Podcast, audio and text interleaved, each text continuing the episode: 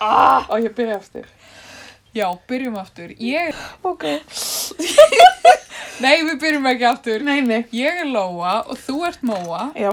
og við erum Frú. Barnaby Úhú. og við erum með eina góða vinkonu Úhú. sem heitir JP Cheney, ef ég var að tala amerísku. Ice Edition. Þetta er svo sett bleikt freyðivín. Eða Van Moussu. Mannmúsu. Þetta er frá Fraklandi. Ok, Ég þetta Það mér. kemur á óvart. Já. Svolítið. Svolítið, þetta er ekki... Þetta er svolítið svona amrýst í útliti. Guð, hún er eitthvað svona smá byggluð. Já, allir það sé ekki pælingin. Einhver pæling með því. Ég þetta mér. Haldur að sé í lagi með þetta? Við þurfum að smaka. Kannski er búið að skemmast eitthvað. Mm. Þetta er Þakka svona þér fyrir. bleikt. Bara fyrir áhærendur. Já, Bleikt freyðivín. þetta er bleikt á lit. Þetta er ekki auglýsing, eins og Þetta- svo ofta áður. Stöndum við ekki í slíku. Nei, nei, nei. Þetta er bara, Finnst þér þetta ekki í lagi? þetta er bara ágætt. Hver áskotnaðist þið þetta? Hörru, ég fekk mammin minn til þess að kaupa þetta á áramótunum Ok. og hann náttúrulega hafði varan á og kefti tvær. Mm. Góður. Mm. Heyrðu já, og gleðilegt nýtt ár. Gleðilegt nýtt ár, Kæru hlustendur. áheyrendur og hérna aðdáendur. Já. Margir hverjir. Sumir eru ekki aðdæmdur okkar. Nei, en þeir verða það, Já. kannski eftir að var hlusta á okkur. Þetta er uh, surprise. Það er komin þriðja seria Og já, af frú Barnaby. Hver Já. hefði haldið? hver er trúað því hérna vortugum 2020, Annu Sorbilis. Já. Það við hefum bara farin viðan veg. Já, og allt byrjaði þetta á draumi. Mm. Eins og góðir að aðdóndur okkar hafa lesið í viðtali við okkur í mokkanum. Já. Þið, Einmitt. þið dreymdi fyrir þessu. Mm Manstu eitthvað meira eftir þessum draumi? Var ég í draumnum? Nei. Nei, en ég hitti þig mjög fljótlega eftir að ég Mm. vaknaði. Þannig ég varð fyrir draumnum. Uh, já, einmitt. Guðs ég lof. En við ætlum að fara yfir víðan völl Já. í þessum áramóta þætti. eins og okkur einum er lægið. Já, eða kannski, þetta er kannski ekki beint ára, þetta er nýjásþátt. Þetta er nýjársþáttur. Já. Við erum búin að taka þetta aldrei gott og voldugt jólafrí. Já, bara við erum svolítið eins og Elisabeth. Já. Hvað? Við- Hún Elisabeth framlengi frínu sín alltaf um mánuð. Já, mista gott hjá henni. Já, núna er hún alltaf bara einangum. Já. Hér er hún, það er hún er búin að fá spröyti. Er það? Og getur hún ekki núna að fengi koronaviruna? Já, hún er bara búin að fá fyrstu, ég veit ekki. Já, að ég veit ekkert hvernig þetta virkar alveg. Nei, nei. Já, ok, næs, nice. gott fyrir hanna. Og þau hjónin, sko. Já. Og þau gáttu ekki farið til Sandringham. Nei, þetta voru einmannaleg jól hjá bresku konusjölskeldinu. Það var Já. svolítið kvartaðið því. Einmitt, þau voru ein með þessu 300 manna starfsliði sínu. Það er kannski svolítið erfitt að vera í einangrun á þessu heimili, Mm. eða hvað? Eða það er náttúrulega svo stórt, Já. rú, rúmar vel. E- Ég, hérna, ég las enda dálítið skemmtilega hérna, hluti um jólavenjur drottningarinnar, eða sendi þér hennar. Já, já, það er mjög gott. Þau eru alltaf með tvö jólatré. Já, eð, m- í rauninni miklu fleiri. sko. Já, í raun og veru miklu fleiri, er ekki bara eitthvað eitt í hverju herbyggja? já líka við. Og svo náttúrulega í hverju einustu höll. Já. og mér finnst það eiginlega besta sem ég lasi var, ég, þú veist, ég sel ekki, eh, seldi ekki dýra en ég kefti það, en að, að drottningin þurfi að að prúfa allt jólaskrautið Já, sem fer á jólatrén. já, hvað er hún bara, já, nei, nei, Nei, ekki þetta. þetta er ekki flott. Ekki þessi sveppur. sko ef mamma væri drottningin Mm. þá væri mjög mikið af jólaskrautinu á trénu vítóað Eða það? já, Er hún með mjög ákveðin smekk? mjög ákveðinsmæk það er nefnilega sem sagt, hjá mamma og pappa það, er- það er alveg ótrúlega mikið skraut Já, einmitt, á ég líka. jólatréð og það eru kannski margir sem eiga við þetta uh, innagæðslap og vandamála stríða en það bætist alltaf frekar í það heldur en að Það vex, það vex að treynu. Já. Og hérna, og svolítið þessu jólaskriði gerðum við Ástís, sýstir og, og Það er náttúrulega fallegast. náttúrulega. Já. og það náttúrulega er ekkert að enda í ruslinu, reyndar Ástís sem með einhverju rosalega litlu barna komplexa það, það sem henni finnst alltaf eins og máma og pappi vilja alltaf vera að henda því sem að hún gerði. Ó, Og við erum alltaf með svona litla serimónir þar sem við, þar sem við þykjumst vera að henda öllu handverkinu eitthvað voða að fyndi Æ, þetta er eitthvað svona en já, mamma sem sagt, eh, nýtir oft tækifæri þegar við erum að hérna, þetta er oft voða notaleg stund þegar við erum að setja á jólatréð já. En mamma vil nýta þetta tækifæri til þess að hérna, tala um hvað eitt og annað af skrautunum séu ljótt og, Ó. og ætti að, ætti að fá að fara. Já, Bara já, þetta er nú... já, ok. Ég nefnilega, ég held að ég, Svolítið grís, já. ég er svolítið, ég held ég sé svolítið jólaskröta hordari. Ég get alveg ímyndað mér það. Æ, það? Já, Já. Sko, máli er að, að sem sagt, þegar við hófum fyrst í jólin, já, eða hófum, segjum að það einu sinni. Já, Já, ég veit ekki hvað ég er að rugla. heldum. heldum þá kom mammas Arnars með jólaskraut frá ömmu hans Ok, sem að hún hafði ekki dekk, þú veist, sem var bara eitthvað gúlur og eitthvað. Já. Og ég bara svona, já, takk. ok. Tók, tóku þess öllu og svo var ég eitthvað svona heima hjá mömmu, eitthvað svona, má ég ekki fá þessa kúlu að reyna að krýja út, sko, jólaskraut æsku minna. Ok, Það hefur gengið misvel. Uh, svo fyrir við náttúrulega árlega í jólahúsið. Þá er alltaf keift kúla ah, ok. og svo hafa jólasveinir verið mjög duglegar við að gefa jólaskraut í skóin. Ok, ég skil. Þannig að þetta er svo, orðið svolítið. Núna þegar ég var að taka nýra á jólatrénu þá hugsa ég, ok, ég við meðum ekki að kaupa meir. Ok, en hugsaðu eru við eitthvað jólaskrötu og ættir að, ættir kannski að losa það við það. Nei, aldrei. Þetta er náttúrulega vandamáli. Já. Sérstakt uppáhald hjá mömmu er sko, það, það fylgdu einhverjum pökkum einhvern tíma fyrir mörgum árum einhver svona glimmer fyririldi Oh, á hérna, á svona klemmum. Og ég og Ástís, sérstu, köllum þetta jólafyririldin. og setjum þau alltaf aftan á tríð svo mamma þurfi ekki að horfa á þau. Ó, já ég held bara sveimi þá, mér finnst að jólaskrætt megi vera kids og ljótt og Algjörlega, svona ég er mjög á því.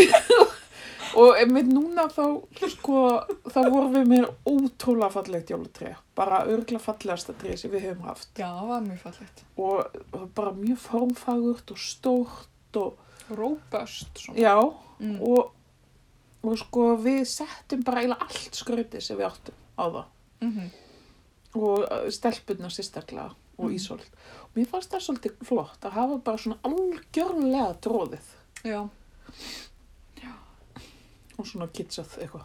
já. Ég er alveg þar líka sko. En já, við getum ekki verið að tala um jólin hérna á nýja ári, halló. Nei, ég var einmitt að tala um við starka á þann að, að það er svo fyndið. Maður er, þú veist, það er allt jólin, jólin, jólin. Þangar til að jólin er allt í hennu bara afskrifuð. Já, Það er bara ekkert jólin núna. emitt, búið. Það er bara alveg búið, þetta er eitthvað svona hugur sem er bara ekki lengur í gangi. Já. Líka sko maður fær alveg nóg allt í einu af jólatrénu og öllu uh, dótaríinu. Já, algjörlega. Það bara, oh, Þá hendur maður því út í garð já, og fer maður með það á sorpið eða ja, maður lætur valsheimilið, neða val, val, íþróttafélagið okkar, Já. margværa, taka jólatrið. Ég sjá þeir um það. Já, eh, þú veist, fyrir smá pening. Ah, Já, ok. Næsnið. Mm. Ok, þannig að jólin eru farin í ruslið. Og það er Og- komið nýtt ár og Og nýja árið, þá er ákveðin hefð í íslensku samfélagi. hjá sumum. Það er völvan. Ætlum við ekki að tala um áramótaheit Ótjók. fyrst. Já, ok. Það er ákveðin hefð sem er, Það er nú internasjonal. já. Já, ég var reynd að hugsa þegar þú sagðir íslensk hefð. Já. Að Þá var ég alltaf að spá hvort það, hvort það áramótaheit var bara íslensk. Svo bakkaði ég strax með það. Já, því þetta er engin venjuleg mánaðamót. Ég var hægt að hugsa sko, Nei. aldrei er maður að hugsa í november, hvernig ætla ég að hafa, þú veist, næsta mánuð. Já, Maður er aldrei að hugsa það. nei. Þetta er bara svona algjörlega mánaðamót, mánaðamótan. Já.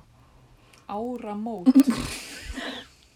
En svo líka það að, hérna, ég hlusta ekki tíman á útastátt þar sem var að tala um það að flestir springa áramótu heitanum sínum 10. janúar. Já, Þannig að þú veist, núna er fólk eiginlega bara komið búin að fá nóg, löngu sprungið. lungu sprungið, hætt að svelta sig. Hætti meirun, hætta að, hérna, já, ég menna það er náttúrulega engin í ræktinni núna. En núna, frá mig í dag, Ha? Já, já. hópatímar að byrja er með sér. Já, Já, ok. Já. og hérna, sundleikumistíminn minn, Úlala. algjör bara hamingjana hér, sko. Mm. Þannig ertu, ertu með einhver áramótaheit? Ég, ég er með mjög klassísk áramöndaheit. Hver, hver Ok. er svona topp áramöndaheit held ég- heldur á landinu? Ef allir landsmynd myndu svara. Borða hotlara? Já, ég held að sé topp. Já, við ekki allir í því. Og svo reyfa sér meira, Já, nummer tvö. lesa fleiri bækur. Já, ég veit ekki, ég er margir með það. Sumir. Um, bjóða mér í mat maður Það er náttúrulega svolítið af þessu sem að maður getur ekki alveg nei, planað en þá. nei, Mér er svolítið fyndið hérna, mér erst hún Lóa teiknari, alltaf svo geðveikt spot on. Og- já, já, Lóa nafnaðin Hjálmtísdóttir. Já, já, Hún er algjört uppáhald, sjá mér líka. Í- hún er bara svo spot on. Já, og svo en finnst þér á stundu vera að njóstna um líf mitt. Já, og mig. Ég skil þetta ekki. Ég held hún. Ég hef sendið henni skilabóð bara að lóa nei. Nú fórstu með þetta. liggur á klukkunni. og... Hörru, veistu hvað? Ég sá hins vegar að hugleikur Dagsson. Já, Hann var að herma eftir mér með dagatal. ég gerði hann líka dagat. Já, eða sko, hann gerir dagatal sem er heil blaðsíða, eða svona yfir allt árið. Ok, Og hann hermdi svolítið eftir mér með uppsetninguna. ok, Skal kíkja á það. damn. Ég svona, ég veit ekki alveg hvað ég á að gera með þetta. Já, Og ég hafði Mm. samband til það. Djók. ég myndi bara hafa samband við lögfræðing. en ef ykkur vantar dagatal, þá getið þið leitað til móu í kanninuhóluna. Já, þau eru á sérstöku nýjásprís núna. Er það? Já, Ok, bara 2000 grónir. glæsilegt. Er það ekki? Mér finnst þetta bara mjög gott og greinigott dagatal. Það er hægt að sjá eh, á dagatalinu hvaða rítundur á amali. Já, og veit ég hver amal þetta? Nei, Hefundur, hérna, Michael Bond, hann hérna, sem gerði Paddington. aaa, ah, ó, Já, ég elska Paddington. ó, ég líka. Ég er skála fyrir honum. Já, Og þetta er líka gísladagurinn, sá ég. hmm, Íslenski gísladagurinn. eins og geysla meðferð. Nei. Eitthvað svona kristilegt. Ó, já, ok. hún hérna Vilborg rithæfndur Vilborg oh, hvað heitir hún? Davís? Já. Skrifar um það á fjörsbókin Ok. eru það geislar á himnum svona eins og, eins og Diana prinsessa eða eitthvað? Já, þetta er eitthvað varandi skýrn og eitthvað, ég var greinlega mjög fljót að lesa þetta, ég var sérst í alls konar útréttingum í dag. Já, heyrðu, haldið þið ekki bara að bæði ég og Móa höfum hérna keift nýja rafgeima í dag? Já. Var það nýjársheit? Já, gott að byrja árið á nýjum rafgeimi Já. Mér hefur alltaf þótt það gott. og það starta árið.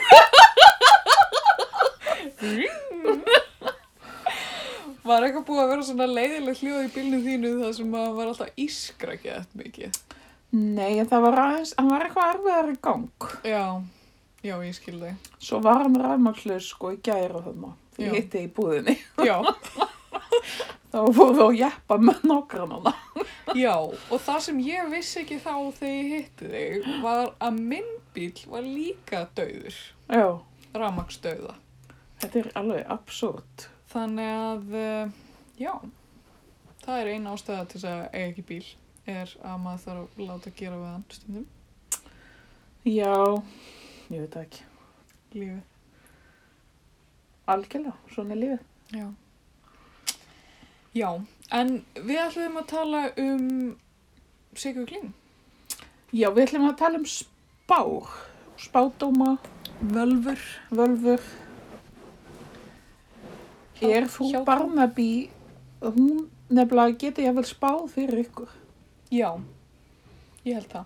Frú Barnaby er að- í mínum huga kona sem spáir í Já, spil. kona sem veit hvað mun gerast. Já. Hefur svona... Ó, ég er ekki að finna orðið. Hefur svona gott auga. Þriðja Þriðja. auðvitað. Og í okkar tilfelli, þú veist... Uh, Sjötta auðvitað.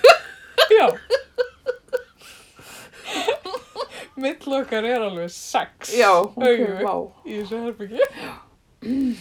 Ok, Ef þú væri með þriðja auga, hvar heldur það væri? Heldur það væri milli augnana þína eða í hnakkanum?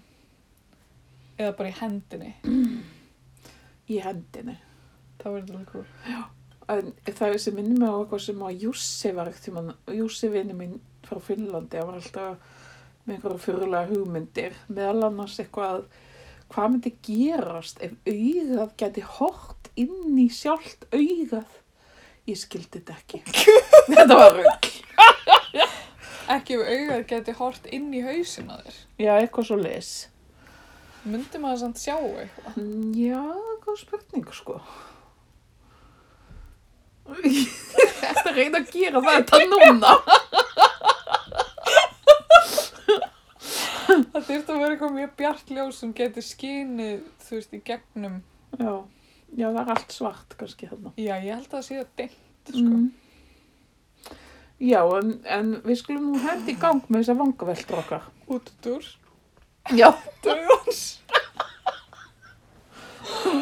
ok, við... Kannski til að setja ykkur í smá stemningu, Já, þá ætlum við aðeins að lesa á áramóta spá, spá en á Sigur Kling já. sem er konlegi frú Barnaby. Er hún með hlávarp? Mm. Nei, en það, þetta er náttúrulega hugmynd. Þetta er alveg frábær. Bara gefis hugmynd, Sigga. Þú ættir að vera með hlaðvarp. Alveg, absolutt. hún er oft með einhverja svona sko vídeo þegar hún er, þegar hún er ofinbera nýja spá Já, og þá segir hún, þú veist, elsku rúturinn minn.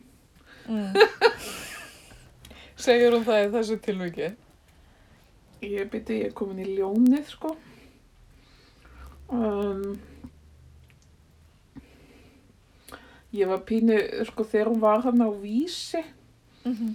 þá var ég pínu uh, örg út í hana vegna þess að hún var alltaf með sko svo var hann alltaf með frækt fólk í þessu merki Ok, og þá stóð lengi vel, lengi eftir hann var í fósettisráðherra þá stóð Sigmundur Davíð fósettisráðherra lungu eftir að hann var hættur já, ég skil og það þig. pyrraði mig ósegjulega mikið fyrir utan það að hann skulle fyrir fískamerkin Býtu, já, þið eru í sama merkinu. Já, Ok. það var meiri sem er meiri mentaskóla. Já, ég var. Mm. Ok, Er þetta mín? já, Svo er ertu tilbúin? Ég tek hann. Elsku húturinn minn. Júlala, heldur hún sér skotin í mér eða? finnst þetta svolítið eitthvað.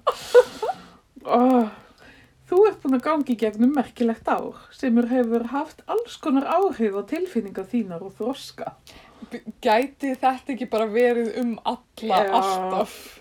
Við skulum ekki vera pendantik hérna. Ok, fyrir Við gefum henni smá séns. Það er alls konar búið að gera. Já, Tilfinningar, hlutir. því að þetta ár er að byrja getur að mörguleiti þakklátt fyrir að vera fyrir það sem yfir þig dundi. Ok. Ok, þú ert harða ákveðin í því að skipta um gýr í merkilega janúarmánuði sem þú ert að fara í inn í. Ok, við skulum þar, þarna hitt og naglan á höfuði. Spot on. Þú ert að skipta um gýr Mm -hmm. og skipta um íbúð. Mm Og þó þú leifir þér dag og dag að vera í hlutlausum gýr, skaltu bara gera það með gleði, Ok, segir hún og, og blikkar. gott tips. Þú ert að líti kringu þig til að skoða margar áskorunir sem þú vilt færa þér og takast á við. Ok, þessi setning gengur ekki upp. Við erum Nú er ekki, ég- við erum ekki prófarkalistir. Nei, nei, nei, en já.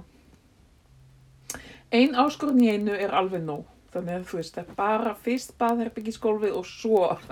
Svo engasýning og Einmitt, svo hitt, einmitt, bara allt annað. einmitt.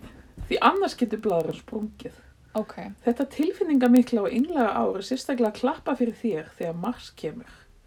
Ú, við veitum hvað er að gerast þá. Klappa fyrir þér í mars, halló, hú. Fyrir þetta það ég á amali líka.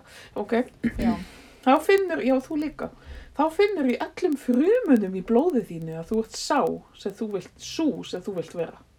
ok. Þegar að ég opna engasýningu í listasafnir Reykjavíkur, er ég þá svo sem ég er? Já, og vilt vera. Já, eða ég vona það. Já, slúna það. Guð minn góður. Þessu tímbili eflast tengingar við fjölskyldu. Ok, það er svolítið Ég- að gerast. Ég, já, uh, gamla og nýja vini og ímislegt fólk sem auðgar andaðum. Ég ég ætla að taka mig þannig er ég komin inn í spámaðinu. Ímislegt fólk sem auðgar andað þig.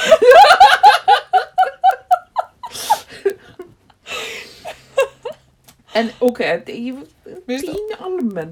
já, mér finnst ótrúlegt að hún segi ekki og móa kemur inn í lífið. Eða þú veist, ef hún þekkti mig skilur betur, Já, ef hún vissi betur, þá myndi hún bara nafngreina, einmitt. skilur. Já, þú veist, hún, ég, ég, hún er náttúrulega að tala við mjög marga húta. Pétur mm. frendi minn er hútur til dæmis. Eru aðrir hrútar heldur en ég? Býtu, ég held að þetta væri persónulegt. Þannig að, já. Ég þekki ekkert rosalega marga aðra hrúta. Er það Reyndar. ekki? Nei. Nei, býttu nú við. Ég þekki... ah. En allir þeir hútar sem ég þekki eru skemmtilegir. Ok, Þú ert fyrst og ég er síðust. ok, Þannig að, ok, ég ætla að lesa fyrir þig. Já. Þú fær líka elsku. já, Elsku fiskurinn minn. og takk. Árið, heyrðu, þú átt eftir að fíla þetta. Árið þitt byrjar eins og glitski á himni. Ú, Og eins og fræktir orðið, þá elskar þú glimmer. já, Þannig að Sigga greinlega veist það. Eh, eitthvað svo óraunverulegt og eitthvað svo fallegt og gefandi. Ég fór hreinlega að gráta þegar ég sá glitskíin sem vermdu flest alla landsluta síðustu daga ársins. Þau tákna eitthvað svo óraunverulega gott, eh, þau tákna að eitthvað svo óraunverulega gott sé í aðsí. er það bara fyrir viskarmerkið? Greinlega. Ok, ok, Hvað með mig? nákvæmlega, auðvitað þó. Þú vinnur þig út úr allri sorg og sút sem hefur lamið þig og þú lætur ekkert minna en regnbúan duga. Ú, Ok, halló. Bara heimsins harmur að hverfa rauksinn. Eh, Þú verður mjög spennt fyrir tilverunni þessa næstu mánuðin, þess- þessa næstu mánuði sem heilsa þér og þar af leiðandi færðu spennandi tíma. Ef þú hefur áhyggjur af fjármálum þínum, þá leysast þau um leið og þú horfist í augu við þau Basically. ok. því möguleikarnir eru allt um kring. Ú, Þú ert greinlega að fara að græða eitthvað á þessum dagatölum. Geirröður.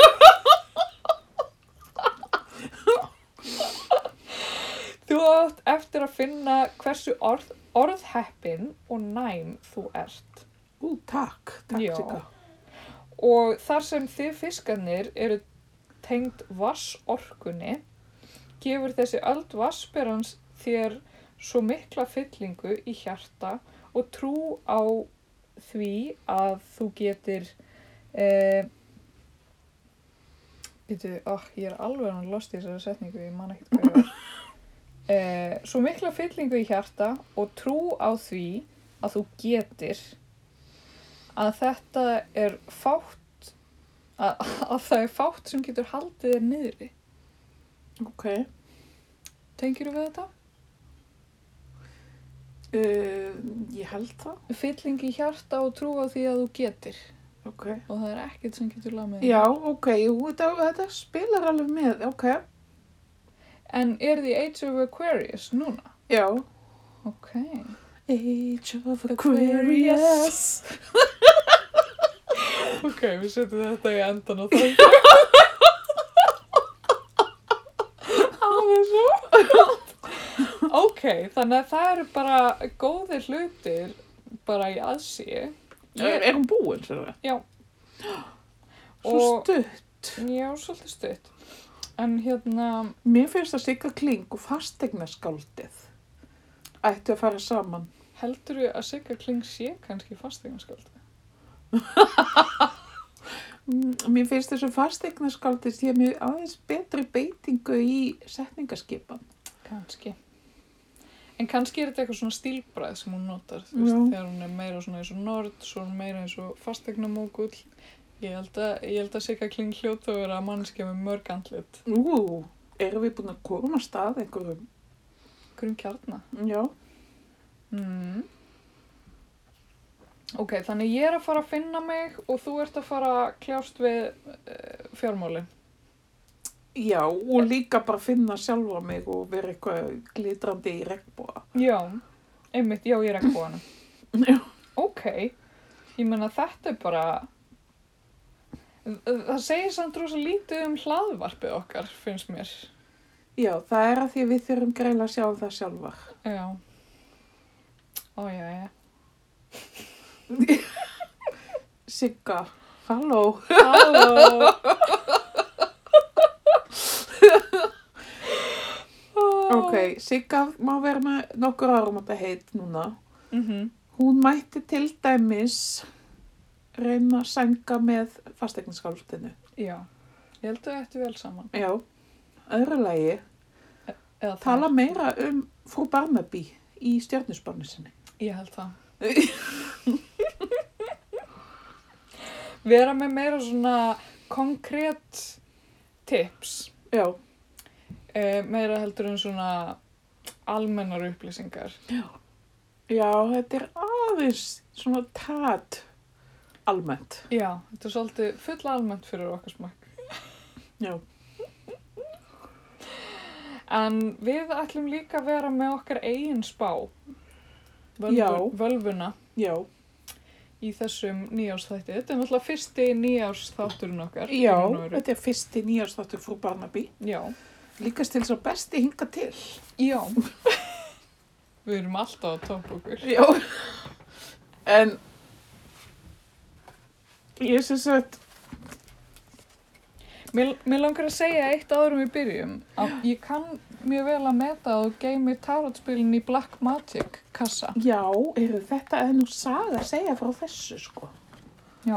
Ég var nefnilega bara, ég var bara ennþá úlingur, óharnar úlingur Mm. þegar mamma gaf mér tarotspill. Ok. Og hérna, þetta eru sem sagt þau sem eru hérna í Blackmagic, hérna, kassanum. Mm -hmm. Þetta er líkast til þetta klassiska form á þeim, kartamundi, hana. Ok, Tarot de Marseille. Það er í þessu líka er sem sagt eitthvað anmeldung þegar við byggum á Dansingarstrasse 17. ok, Það er líka þegar ég skráði mig í háskóla í París og þetta var á svona á, í árdaga internetsins. Eins og þú sérð. Æ, Þetta fór ekkert á netið. daldi sætt. þetta er sko, ég er skráð mig í Sorbonne, Vá, þú veist. bara á þessu litla blaði. Já, þarna bjóð ég á Rýðu París Á, í París. lala. Og já, svo er hérna alls konar, hérna er eitthvað kvart frá einhverju konu sem vinnur hjá Eimskip. Ok, Þetta er að því við vorum náttúrulega alltaf að flytja hann um illa landa. já. Um, Ná, það er gott að geima það með tarotspilunum. já, hérna Það hefur með örlögin að gera. Tryggingar. og Nei, umskip. þetta er nefnilega svolítið merkilega kassi. Ég er búin að eiga þennan kassa, Cartamundi, nei, Blackmagic, síðan ég var úlingur. Leigusamningur Geimslu 1 EHF. Þetta er þegar við byggum í Skotlandi. Þetta er svona, og ekki Harry Lemon er sem sagt írskur bar sem ég var alltaf að, að fara á í, í hérna, í París Já, og hanga á.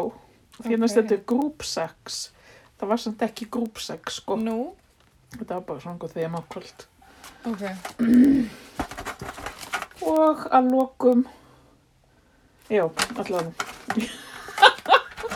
Ég á sko Black, Black Magic kassa en ég geymi plástra í honum. Já, ég sá það einmitt hjá þér á vinnustofunni. Já. Mér finnst það svo merkilegt að því þetta er fyrsti og eini Black Magic kassi sem ég var æminn séð þanga til ég sá þinn. Já. Að því þetta var greiðlega konfekt í gamla daga. Já, einmitt.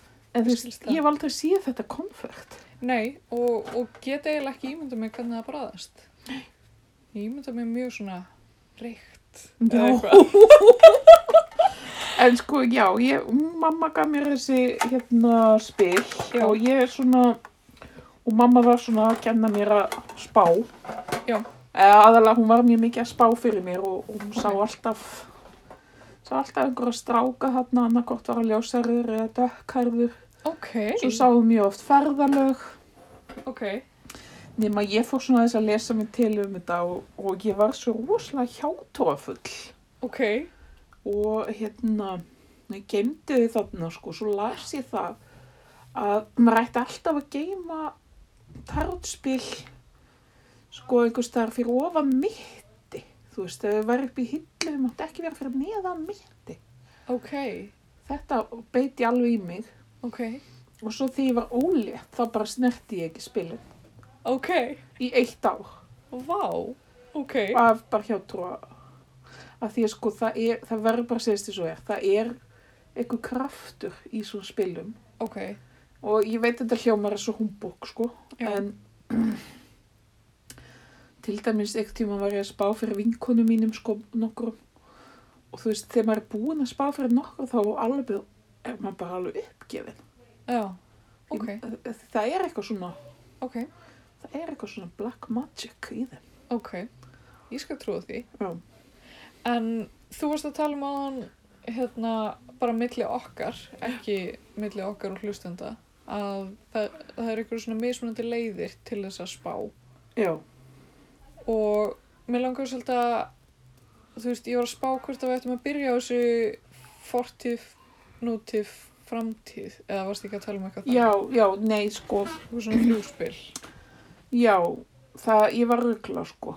Það, ég er kann eina spá sem er þryggja s- spila spá Ok, og hún er svona eiginlega, þá er maður kannski með einhver spurningu hu- í huga.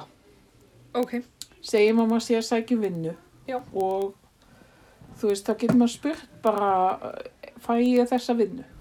ok, og þá er yfirleitt sko, þá er, lítur maður á sko þessi spil þrjú já, að sko fyrsta spilið er kannski þú veist hvað var í gangi áður en aðal, aðalspilið er í miðjunni ok, og, og svo setna spilið er svona hvað þú veist hvað verður ok.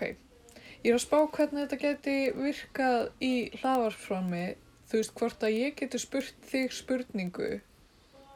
Já, sko, yfirleitt þegar maður er að spá, ef ég var að spá fyrir þér núna, sem ég get Mhm. gert svo sem, þá, þú veist, spyrðu spurningar sem þú segir mér ekki spurningu.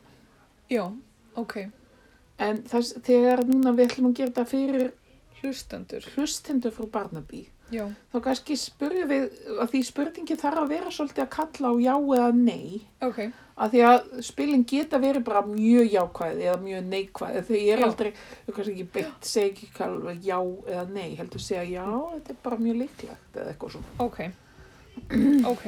En á ég að byrja að koma með einhverju spurningu og við getum tekka á hvort þetta sé eitthvað að stemma. Já, heyrðu, ég svo ætla ég að sp- spá, sko. Nú er ég með tvo tarot, hérna. Hérna þessi kipti mamma handa mér í New Orleans. Tarot on the go, Já, ok, þau eru aðeins minni, sko. mhm. Bákvæmt við ættum að taka þau frekar. Ok, akkur viltu ekki nota þessi löngu? Hérna Marseille. Ég bara því að, að þau taka mér að pláss. Ok, ok, mjög gott. Góður rökkværsla. Það er ekki. Jú, mjög. Og svo eru þessi nýrri, sko. Ég Ok, svolítið skotin í þeim. Já. Og svo náttúrulega New Orleans, sko. Þurfum við eitthvað að ræða það. næ, Mamma náttúrulega kom heim með full, fulla tösku að tarotspilum og einhverjum svona já. góða lukku gripum og eitthvað. Ég er mjög hissa að mamma þinn hafi farið til bandaríkjana. Heyrðu, Já, þetta gerist bara mjög tiltölulega nýlega og það var sjálfsög á ráðstefnu. Ok, Þau, þú veist, séu hvað þau eru ótrúlega kids.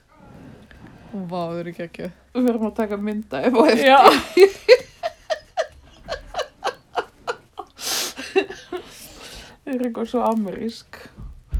En já, sko þessi þú gerir, þú tekur hérna hálfan stokkin Ok,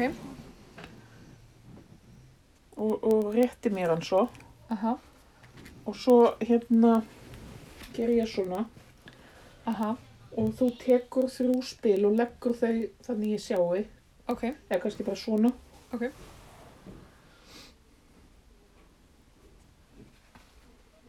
á ég að flippa þeim. Já, já.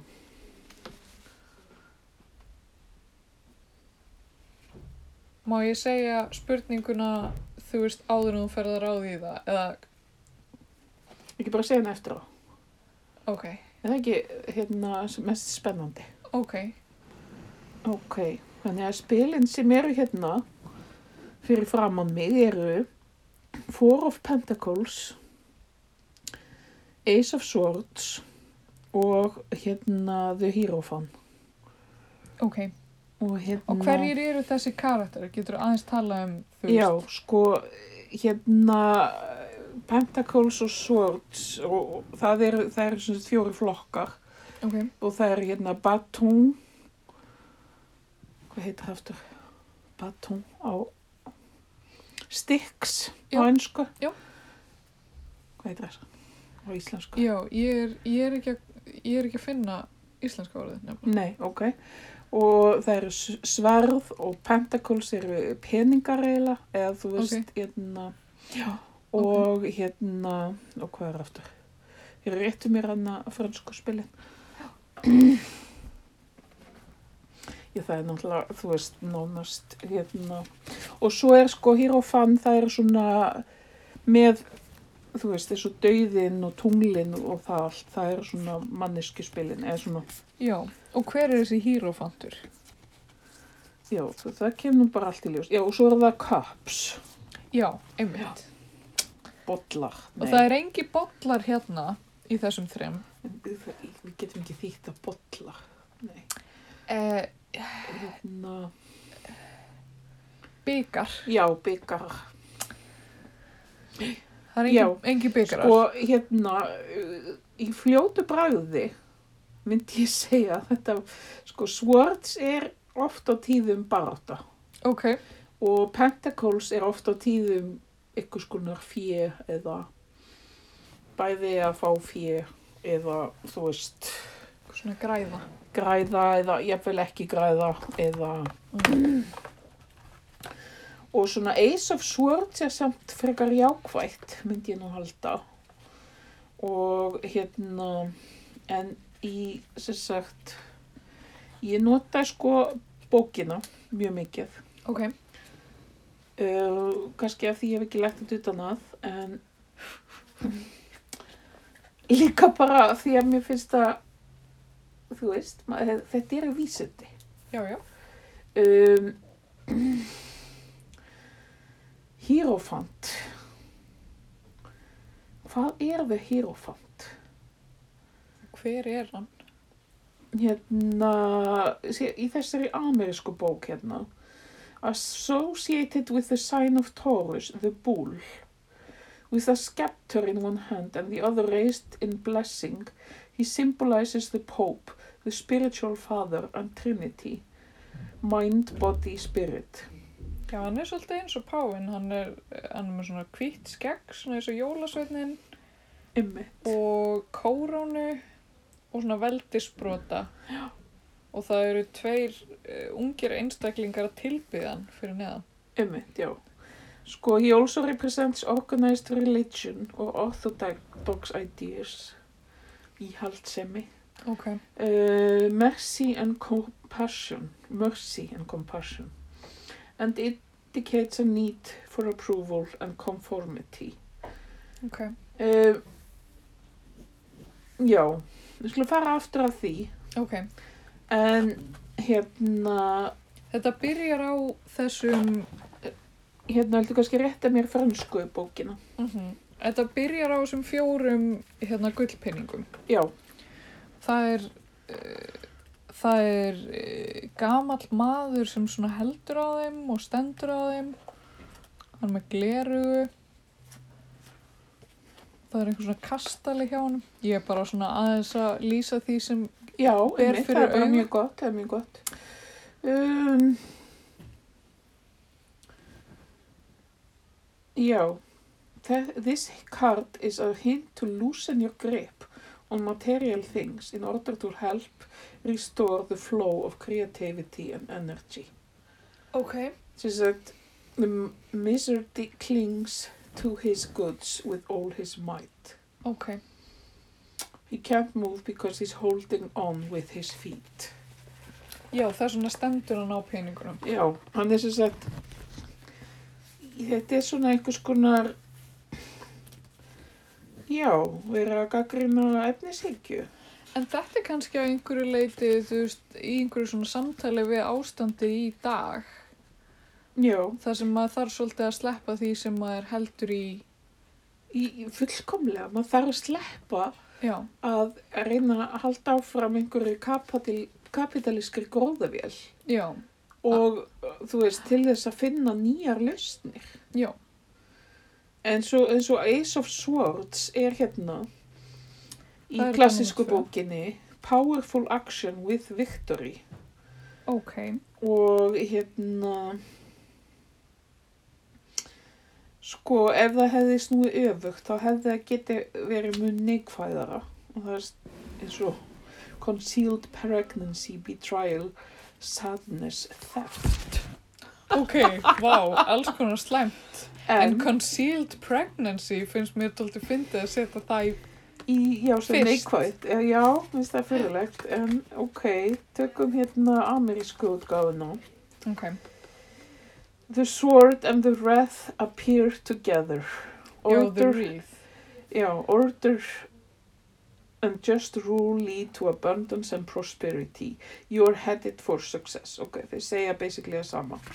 You make an intellectual breakthrough such as a discovery or the publication of a book. Ok, sem sagt það, það mun koma út bók 2020 ok, hvernig við sleftum peningunum og heldum áfram áfram veginn já en sko í áttað reglusemi og íhaldsemi. Já, ég er ekki alveg að sjá þetta við Hírofant. Sko, þegar mamma, uh, hún spáði fyrir mér mjög reglulega á úlingsárum, Ok. þá, ef við vorum mjög óanæðið með spána, Ok. þá bara gerðum við hann aftur. Ok, má það? Það má allt. Oh, Ah, svo lengi. kannski er ég þessi hírófantur. Má það? Hérna, já, þetta heitir nefnilega The Pope í klassísku spilunum. Ok. Um, benevolent, kindly, conciliatory, commanding, generous, intelligent, loyal, moralizing, protective, respectable, responsible, spiritual, beneficial, en allavega overbearing power. This card is depicted by a very aged high priest wearing a mitre. uh, eitthvað, allavega þar sem uh, hann, já Pope personifies good sense, morality, respectability brings equilibrium já, ég held nú, nú held ég að við séum komin svolítið með líkil Ok. í þessa spá nú veit ég ekki alveg hvað spurningi var en það er spurningum maður er að halda í klifjar efnishyggjunnar Mhm. ha? en um leiðum að sleppir þeim Mm og þú veist þá einhvern veginn sigrar maður í rauninni Já. og nær ekvilibri Já.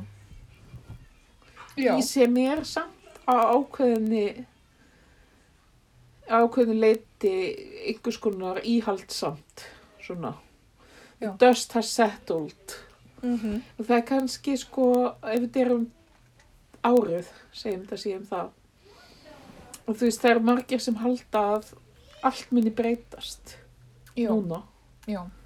en ég held nefnilega að það muni ekkert mjög margt breytast Nei. Ég er sko smá að velta fyrir mér hvort að þessi gullpeningar hérna í upphafi sem að gamli maðurinn rík heldur í og stendur hún á hvort að þetta séu líka bara einhverjir svona modern values eða svoleiðis, þessi values sem að við höldum okkur mjög fa fast í við erum alltaf að býða eftir að hlutinni verði eins og þau voru já, já, emmitt já, já, ég held það sé já, ég held það sé alveg rétt hjá þér Já, við erum emmitt, við erum að býða eftir að allt verði eins og það var já, svo við getum bara glemt þessu 20-20 ári já, að eilífu emmitt og látið eins og það hef ekki gerst. já, En ég hef einhvern veginn á tilfinninguna að það muni ekki emitt alveg gerast og við munum hugsa hlutina aðeins öðruvísi. já en sem sagt, að það um leið að við sleppum tökunum á þessari hugsun Mm, Já, að þá komumst við aftur í jafnvægi í rauninni. já. Og þá verðum við eins og þessi hírófantur hérna sem er alveg þvílíkt. Já, sem er líka svolítil blanda af alls konar Já, hann er eins og kongur en samt líka eins og jólasveit. kannski eins og læknir, ég veit það ekki. Já. Og þessi tveir líklar hérna, Já, þau eru kannski svolítið líkil. Hann er kannski svona líkillin en að ég, jafnvæginu. En, en þetta er ekki, hérna sverðið hérna í miðunni, það heldur að það sé bólusetningin. Ég vil stunga allan á. Já, það er verið að stinga á eitthvað, Já. hverja graftabólu. sko, þú veist, eins og þetta að, hérna, já, ég veit það ekki. Maður er að spá, sko, þú veist, hvort allir minni fara að ferðast jafn ríkala mikið og, Já. og þú veist, allir sé svona brjála efni sigja sé eitthvað að fara að rú, halda áfram Einmitt. þú veist, allir að fara í þessar skíðaferðir og, og þryggjata borgarferðir og, og þú veist, sem er náttúrulega bara ríkalega mengandi. Já, Þú veist, heimurinn þurft alveg á þessari pásu. Já. og heimurinn setti met í, hérna, í, eh, hvað, það var aldrei verið svona lítil greenhouse emissions í bara 20 ára eða eitthvað. Einmitt. eins og ég var. sem bara absúrt. Já. Það er greinilega ýmislegt sem hægt er að gera. Já, Þó að þetta hafi verið svona svolítið radikal skref sem að, sem kannski, já. Hvað eru unglingarnir að gera þegar þeir gera svona hljóð? fullkomlega stjórnlausir. Það er samt sko alltaf betra að heyra í börnum með úlingum, heldur að heyra ekki. Já, er það ekki? Jú, það er svona regla, Mér Eh. finnst það, gullna regla. mér finnst það er eh, svo góðars, eða þú veist, ég veit ekki, svona utan og frá séð. Fyrst mér þetta alltaf góð, fyrst það alltaf góða saman. Já, geti alveg verið það sko. Já. Eða mér finnst það allavega eiga mjög mikil samskipti. Já, að gera það. Mér finnst, ég, ég let svolítið eins og ástís væri ekki til stundum, sko. Já, það er náttúrulega aðeins meira munur á ykkur. Já, já, já. Hvað er aftur? Sjö. Fimm, Já, djók. eða f- nei, fjögur, fimm, svo. Já, já, já. Já. Já, en já, ég held að sko yfir höfuð er þetta, ef, ef þetta er já eða nei spurning, þá er þetta já. Já, Og eins og ég segi, að það, það kostar það að sleppa tökunum á einhverjum, og sem er gildi eða efnislegu einhverjum. já. Viltu heyra spurningum? Já, veitilega. Spurningin sem að ég hafði í hjarta mínu var getum við farið að halda matabóð aftur? Svarið er já, Já. auðlóa, en þá þetta sleppa einhverju öðru. Það þarf að stinga á graftabóluna og þá getum við all verið mjög stóisk Einmitt. og flott. Og svona hefbundin með forrétt, aðalrétt og eftirrétt. Já, en fyrst þurfum við að sleppa öllum þessum gullpenningum. Einmitt, já, og sleppa líka þessum gömlu gildum. Já, við þurfum kannski ekki að halda matabóð eins og maður gerði áður. Nei. Mér erst, já, mér er samt sko eins og, eins og ég sé aðeins búin að vera að endurhugsa félagslega hegðun mína Já, gott með það. út frá uh, þú veist þessum uh, samkomu takmarkunum og allir þessu að mér erst uh, eiginlega öll samskipti sem ég hef átt núna nýlega og um jólin og svona hafa verið rosa mikið á mínum forsendum eitthvað svona þú veist Já, það er rosa lítið sem maður er eitthvað æ, ég feg bara í þetta og þú veist, verð bara stutt og já, já, já. eitthvað svona, skilur að hérna, E- Ekki neitt svona af skildurækni einhvern veginn. nei og ég er ekki að segja að þú veist, auðvitað ámæli stundum að gera eitthvað fyrir aðra ég er ekki svona rosalega engjörn en Nei. hérna, en það er svona maður fer kannski að hérna, en, endurhugsa sko þú veist þarf ég að vera í samskiptum við þessa mannesku Ok, stundum. Já. Eða þú veist, ég er ekkert að segja að ég þekki mikið að slæmi fólki, en þú veist, ok. E- Mjög margir varnagla þannig. nei, það er bara svona, þú veist, ég held að, uh, þú veist, þegar maður þarf að velja mjög vel, þú veist, Já, ég, ég, ég, Þegar það- ég sé var að vera sammálaður, maður þarf einhvern veginn að velja og maður neyðist til þess og maður getur, en þú veist, ég held að fólk, margir hverjir hafi hugsað bara, ok, nú erum við afsökun til þess að, já, þú veist, ég, Mm. mæti ekki í jólaboð eða, já, eða mæti ekki í eh, ammæli eða eitthvað svona. já, ég er svo sem ekki að hugsa þetta þannig, kannski endilega, en ég er bara að hugsa að, þú veist, allt svona social interaction sem að ég hef haft nýlega hefur verið svona eins og einhver svona lítill konfektmáli, maður er eitthvað svona, ó, hvað er gaman. Já, gaman að hittast eða eitthvað, þú veist, eins og það sé svona ótrúlega, s- þú veist, og þetta er það alveg sérstakt, en þú veist, maður upplifa það svo miklu meira svona. já, já, ég er- ég er sammála, sko, hérna, kann maður betra að meta? Ábyggilega. Ég held sko, ef þetta er svona núna, fór ég í sundleiku með tímann Já. minn sem Já. er dásamlegur, fullkomlega dásamlegur. Þá er mitt, hérna, ég bara kunni að meta hverja einustu sekund. Já. Þú veist, mér er að segja það að hlaupa aftur og baki sundi sem er ekki hægt. Ég bara eitthvað var þvílegt að skemmta mig vel. Mm. og hún er til dæmis alltaf með hláturjóka, kennarinn, já, í lok tímans. já. Ég var sko löngu byrjuð að hlæja áður en hláturjóka byrjaði. Finnur þið svona hemluleysa eins og fólki í skaupinu sem að kun, kunni ekki lengur að interakta? Já, svolítið. Þau voru bara eitthvað að tala um sportröndina á sér. Já. Og eitthvað. Mér finnst þetta ógæsla fyndi skaup. Talandi um það, já, það var nokkuð gott. Mér finnst þetta Já, ógeðslega ég fyndið. tengdi við nokkra sinnur. Hann hérna, Netto, Vili Netto. þegar hann er að halda nýri sjandanum. Ég er alltaf búin að halda það ef ég loki munninum sérstaklega vel, þá mun ég alveg örglega ekki smita neinn. Það er svo vandræðalegt að segja frá þessu. Já, ég hugsaði þetta, ég er nefnilega hef alveg hugsað þetta, þú veist, ef ég, þú veist, að því ég nota ekki grímu úti að því mér finnst það faranlegt. Já, En oft ef ég lappa fram hjá einhver gamalli mannesku, þá held ég niður í mér andan, svo ég myndi ekki óvart vera smitberi. Já. Þú veist, að því maður veit ekkert í þessum málum. oh, Oh, en hann er finnasti uh, maður Íslands, kannski, og Lóa, já, þau tvö, já. mér finnst þau Ég finnast. held að hann hefur verið í skóla með Júlían Já, í Östó. já, ábyggilega, og hann var í MH líka. Já, ok. Er hann þá jafnaldri eitthvað? Já, ég og Julian erum jafngumul. Ég veit ekki. Byrju, varst þú í MH? Nei, en vinnu mínir. Já, einmitt. Júlían var í MH. Ég veit. Ok. Við erum jafn gömul á Íslandi. Móa.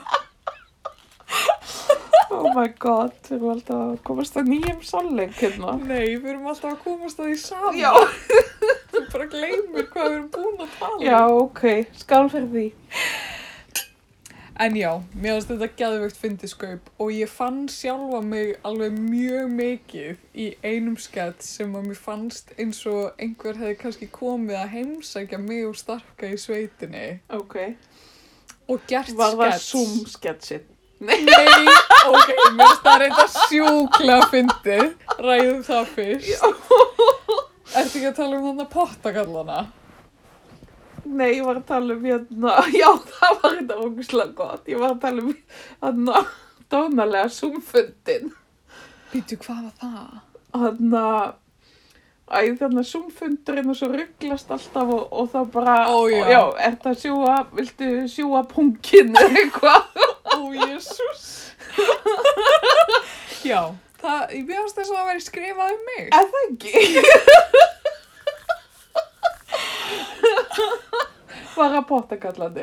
Nei, ok, við, við þurfum kannski að ræða pottakallana aðeins. Af því að, já, við ætlum um þetta að vera með nýjan dagskrálið. Núna Já. þegar það er komið þriðja serja. Hérðu, ok, nýr dagskrafliður kallar á nýjan effekt. Er það? Er það ekki? Er ekki eitthvað svona búblur eða eitthvað sem maður getur sett? Eða... Mm.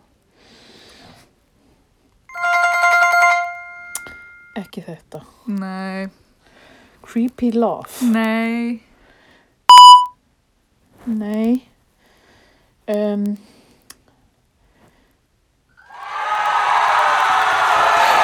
var þetta, hvað var aftur díinu? Díinu var þetta. Já. Þannig að þetta má vera fyrir nýja. Ok. Ok. Sundlegarsögur frú Barnaby. Sögur úr sundi. Já. Ertu með einhverja góða? Mér, Um, mér fannst sko, sketsin um pottakallana fannst mér svo spot on. já. Af því að þeir voru allir að tala um svona einhver heit topic og ég bara var, þú veist, nýbúin að lenda í einum svona kalli Ó. um mitt. Já. Og það er úkslega fyndi hefur ekki lent í þessu að þú veist, þú ferð hon í heitan pott og það er einn maður í pottinum og maður er bara eitthvað, yes, það er svo fáir í sundi og svo fattar maður að þetta er pottakall. Já. Og hann fyrir að tala. Og hann fyrir að tala og maður er eitthvað svona, já, ha, ha, ha, og þú veist, er eitthvað svona smá að engagea, þú veist, eða ég gerir það. Já. Og svo fattar maður að hann vil tala um bólöfnið eða Sigmund Davíð, Bjarnaben. Bjarna Ben, eða Vafki. Já, eða þú veist, eitthvað svona bara oh, þurfum við að tala um þetta í Já, sundi. ég reyndar með eina pottasögu. Ok, Ert þú með eina? enga sérstaka, sko. Nei, ok. Því, ok, ég var nefnilega í pottunum núna Mm. stuttur eftir að það var opnað Ok. og það voru svona þrýr svona sjóarar Ok. og þeir voru að tala um það að hvað maturinn var alltaf alveg ríkalega vondur Æ. á sjónum Ó. og hérna, þetta væri bara skelvilegt Ok. og eða hvað hann hefði alltaf verið vondur, gamla daga. Ok. Voru þetta gamli kallar? Næ, samt eldra ég sko, en þú veist kannski ekki samt Ekki gamli hvítarður. Nei, ok. voru svolítið svona kraftalegir Ok. og hérna þau greinilega pissaði í saltan sjó. Ég held þú alltaf að segja í pottin. Jökla það líka. ok.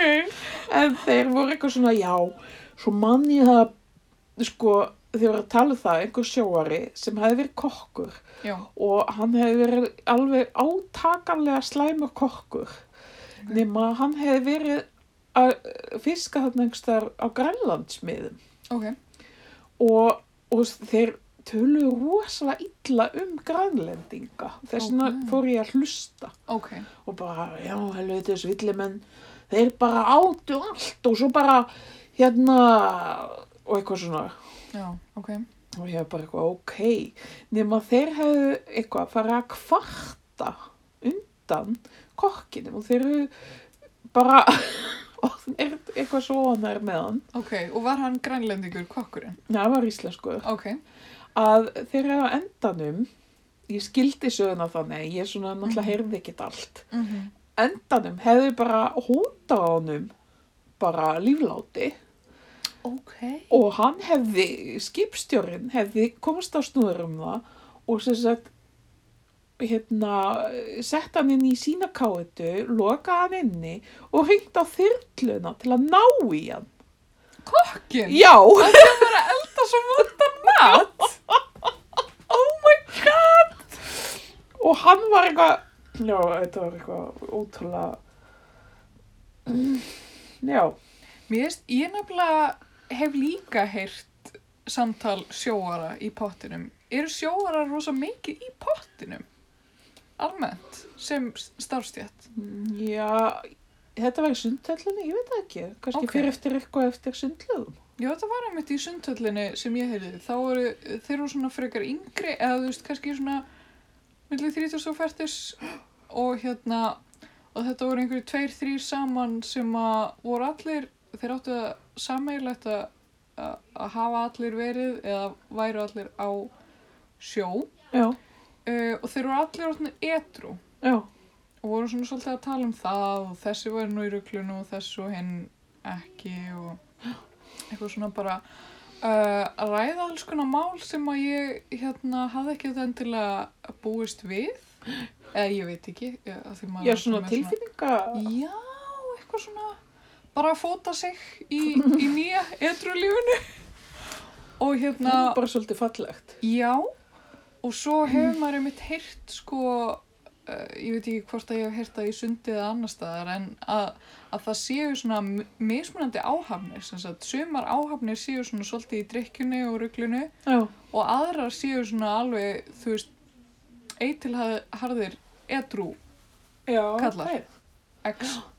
Já, þetta er náttúrulega áhugaverður þjóðfélagshópur sem fær kannski ekki mikla aðtikli Nei, frá, eða þú veist,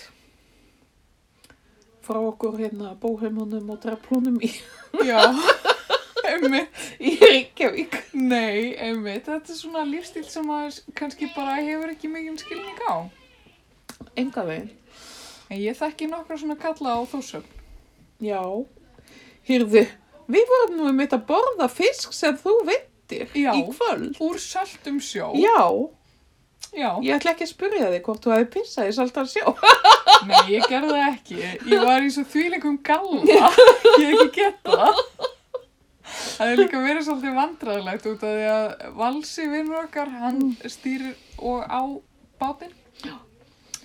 Að þú veist, ég hefði ekki viljað pissa fyrir framann hann, Nei, þú veist, og ég hefði, eða þú veist, þú hefði þurft svona útivista græju fyrir konur. já, nákvæmlega. Já. Þannig Það er nefnilega stundum smá föllun að vera kona. Þannig hefði þurft að se Já. setjast svona Já. yfir Já, já, já. þurfarið einhvern Já. veginn. Mér vil reyndar alltaf langa í svona, hvað sem það heitir. Á ég að segja hvað þetta heitir? Já, She-we.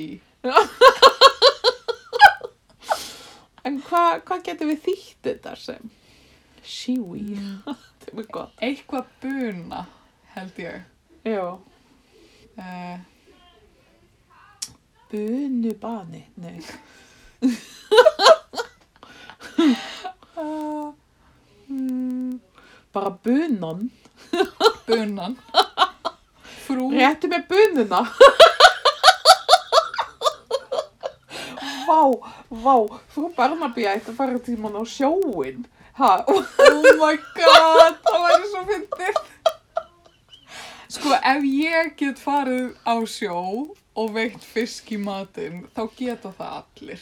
já, en samt ég, er þú ert greiðlega ekki sjóveik? Nei. Ég er nefnilega er sjóveik. Á, ok.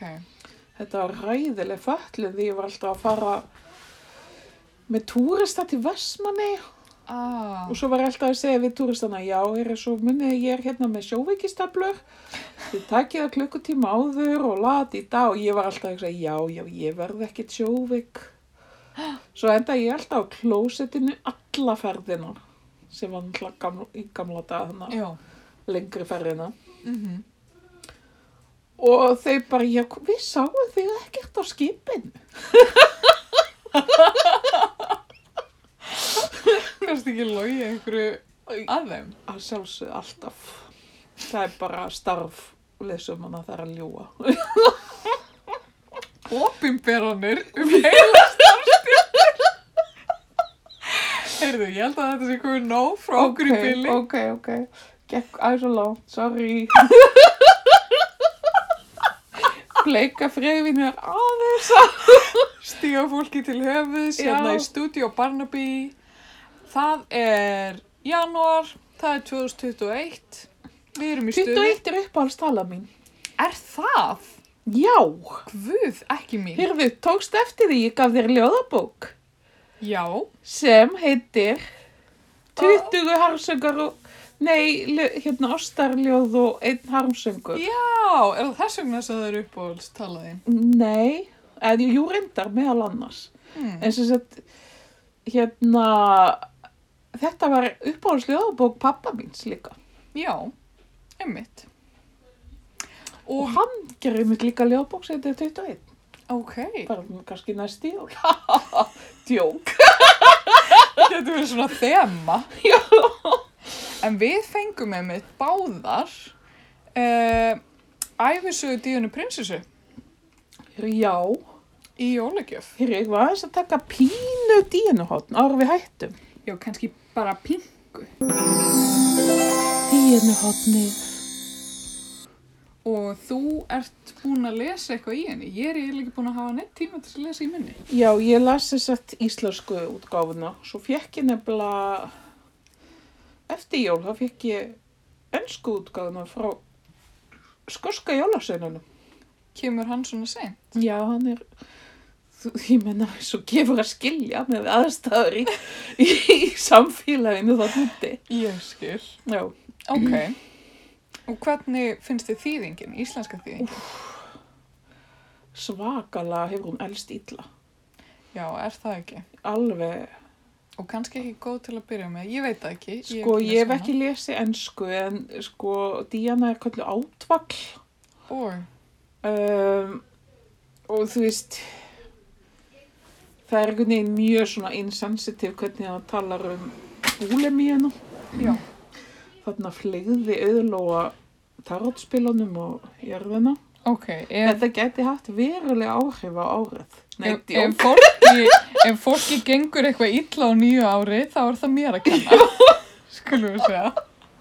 við þurfum að beða bænir fyrir þessu sko. Já, við gerum það eftir. mm, En já, það er svona insensitive orðnótkun já, í gangi. mér veist líka ég veit ekki með ef við ættum kannski að taka aðeins umræðu um hana þegar þú ert búin að lesa aðeins meira í henni En það sem ég hef heyrt frá þér er að það sé svolítið svona kall, kallmanns róki.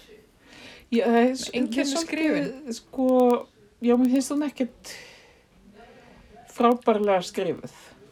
Það er þessi, hvað heitir hann, Morton? Andrew Morton, já. Já, Hann, eh, ok, gefa hann það, hann er að reyna að halda sig við þessi, það sem að hún hefur sett á spólur fyrir hann. já, Secret Tapes. Já, og hérna, sem er stundum svona bölvað væl, verðist vera.